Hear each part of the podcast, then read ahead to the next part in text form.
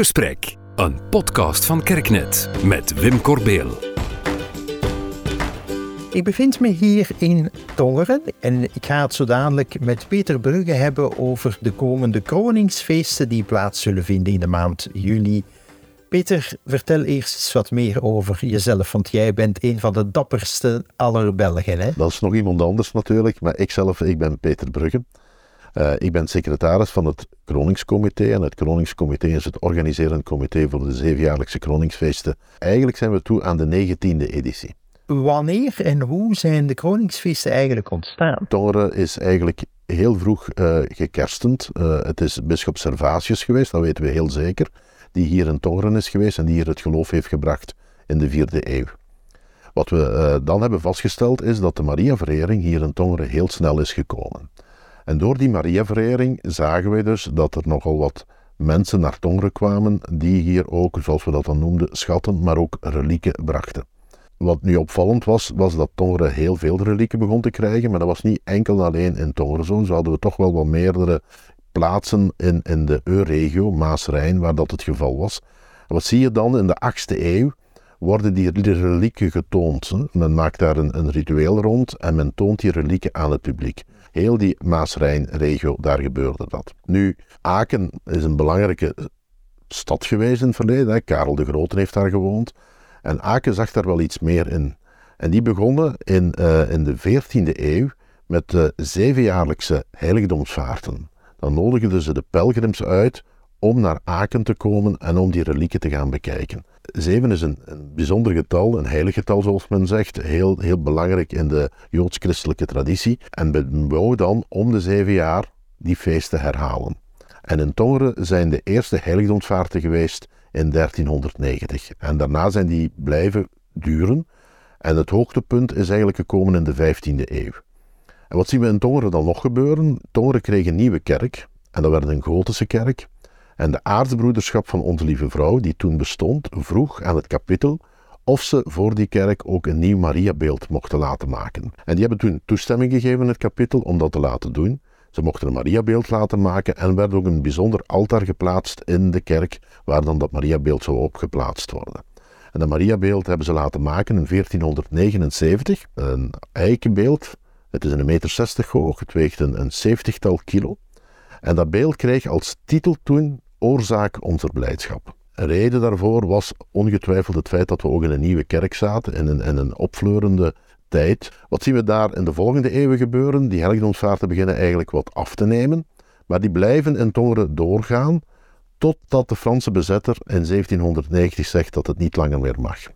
Dan gaan we verder in de tijd, komen we in de 19e eeuw en dan zien we eigenlijk de Maria-verering enorm openbloeien. Onder andere door het afkondigen van het dogma van de onbevlekte ontvangenis. Dan wordt dan gevraagd aan de paus of er beelden mogen gekroond worden, zoals bijvoorbeeld in Halle. Maar Tonger dacht, dat willen wij ook. En in eh, 1888 is de toenmalige bisschop van Luik, want Tonger behoorde toen bij het bisdom Luik, het bisdom Limburg bestond toen nog niet, heeft, heeft uh, men uh, vanuit de bis, bisdom Luik gevraagd aan de paus of het Mariabeeld mocht gekroond worden. En er werd toegezegd. En in 1890, op 31 augustus, werd het beeld gekroond. En in de namiddag trok er een processie door de Tongerse straten met ook al die relieken van in der tijd met heiligdomsvaarten. En die processie noemde kroningsprocessie. En de Tongenaren herinnerden zich wat er vroeger was, die zevenjaarlijkse heiligdomsvaarten. En toen zei men, zouden we toch niet terug de draad oppikken zoals we dat in het verleden hebben gedaan?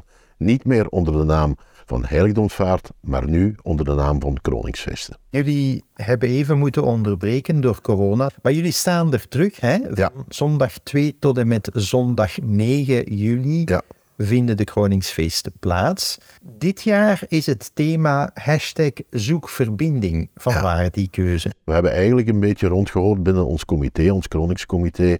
Wat leeft er bij de bevolking? Eh, waar is er nood aan? Eh, wat moeten we misschien toch iets meer gaan accentueren? En wat toen vooral opviel, was toch het gegeven dat mensen zich eigenlijk heel eenzaam voelen. En heel vreemd, want aan de andere kant zijn er vandaag tal van mogelijkheden om met mensen in contact te komen. Iedereen heeft vandaag bij wijze van spreken een smartphone.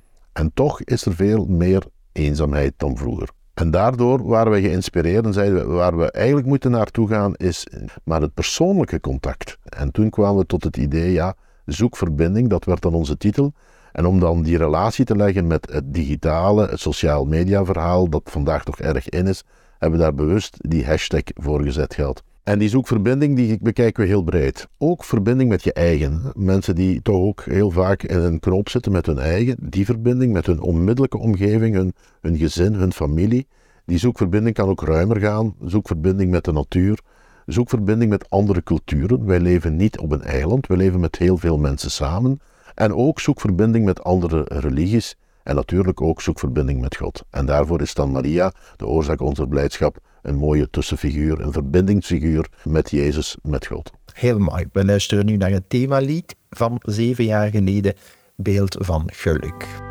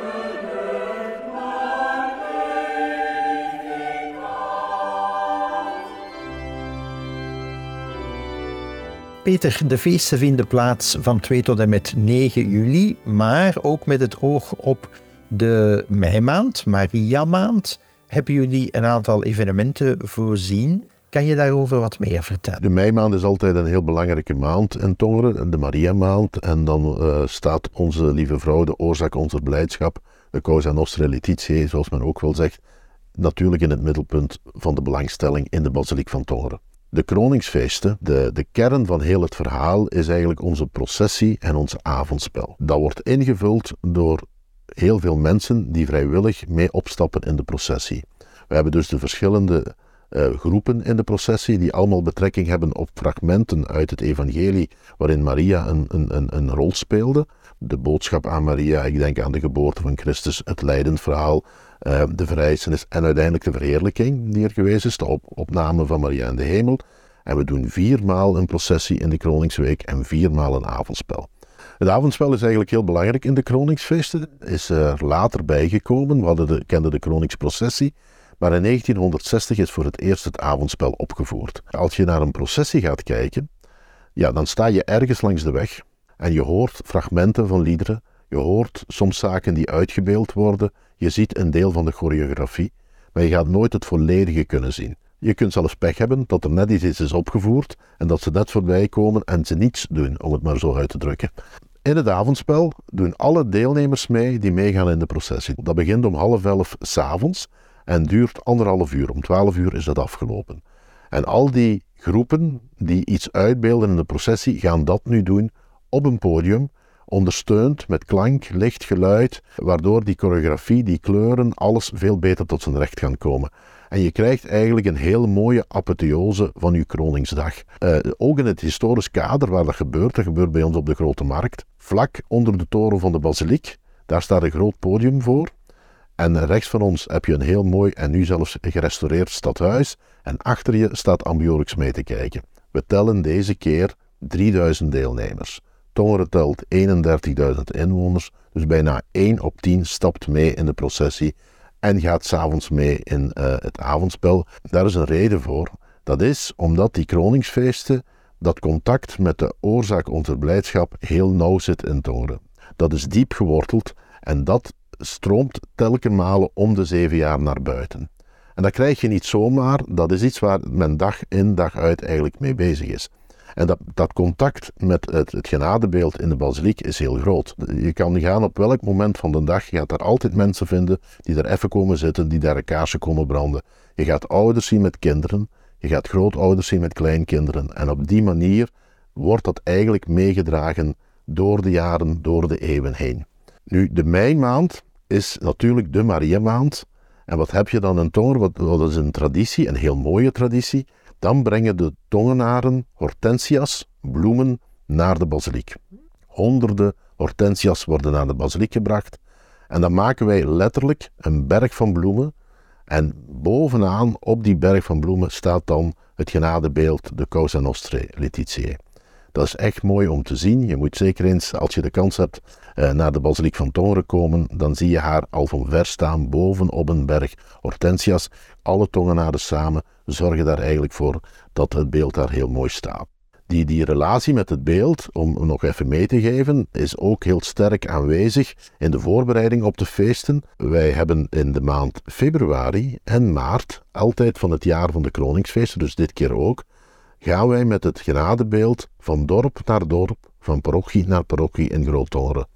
En in elke parochie, in elk dorp, ook in de woonzorgcentra, ook in het ziekenhuis, gaan de mensen ieder op hun manier, ieder in zijn gemeenschap, het beeld ontvangen en daar activiteiten rond hebben. Elke dag doen we een ander aan. En zo gaan we 40 dagen bijna rond, zodat we heel, het, heel groot tongeren gedaan hebben. We hebben een traditie sinds 1990 om in de meimaand ook elk jaar een pelgrimage te doen naar Maria. En dan vertrekken we eigenlijk vanuit de voerstreek over Maastricht, over Bassage, Glan, zo naar Tongeren. Maar men kan ook andere wandelingen doen rond Tongeren om dan uiteindelijk in Tongeren in de basiliek te belanden. En daar is dan een afsluitende viering s'avonds. Behalve in een kroningsjaar, dan doen we dat in mei niet, maar dan doen we dat in september. Want in september sluiten we de kroningsfeesten af. Dat doen we uh, ditmaal de 23 september, een zaterdagavond. Dan houden wij die pelgrimage dan in de namiddag. En s'avonds houden we dan nog om 8 uur een lichtprocessie. Dan wordt iedereen uitgenodigd. De deelnemers die hebben meegedaan in juli, vier keren in de processie en de avondspel, die worden uitgenodigd. Maar alle tongenaren, ook mensen van buiten Tongeren, zijn welkom die avond in Tongeren. En met een kaarsje in de hand doen wij een grote processie, gewoon in burgerkledij, door Tongeren om af te sluiten op de markt. En daar wordt de zegen nog gegeven door de bisschop. En dan gaat het beeld terug naar de basiliek en dan sluiten we eigenlijk het kroningsjaar af. Het kroningsjaar een factor van verbinding voor alle tongenaren en mensen ver daarbuiten, Ja. want iedereen is uiteraard welkom. Ja. Peter Brugge, u bent een bijzonder bekwame ambassadeur van de stad Tongeren en van de Kroningsfeesten. Bedankt voor dit gesprek en nog veel succes ook met de verdere voorbereidingen. Dankjewel. Je luisterde naar Het Gesprek. Reacties en tips zijn welkom op wim.kerk.net. Herkende je iets in de podcast of heb je er een vraag over? Geef dan zeker een seintje. Je helpt ons ook door over deze podcast te spreken bij vrienden, familie en collega's. En misschien ken je zelfs interessante studiogasten. Laat het ons dan ook weten op wim.kerk.net.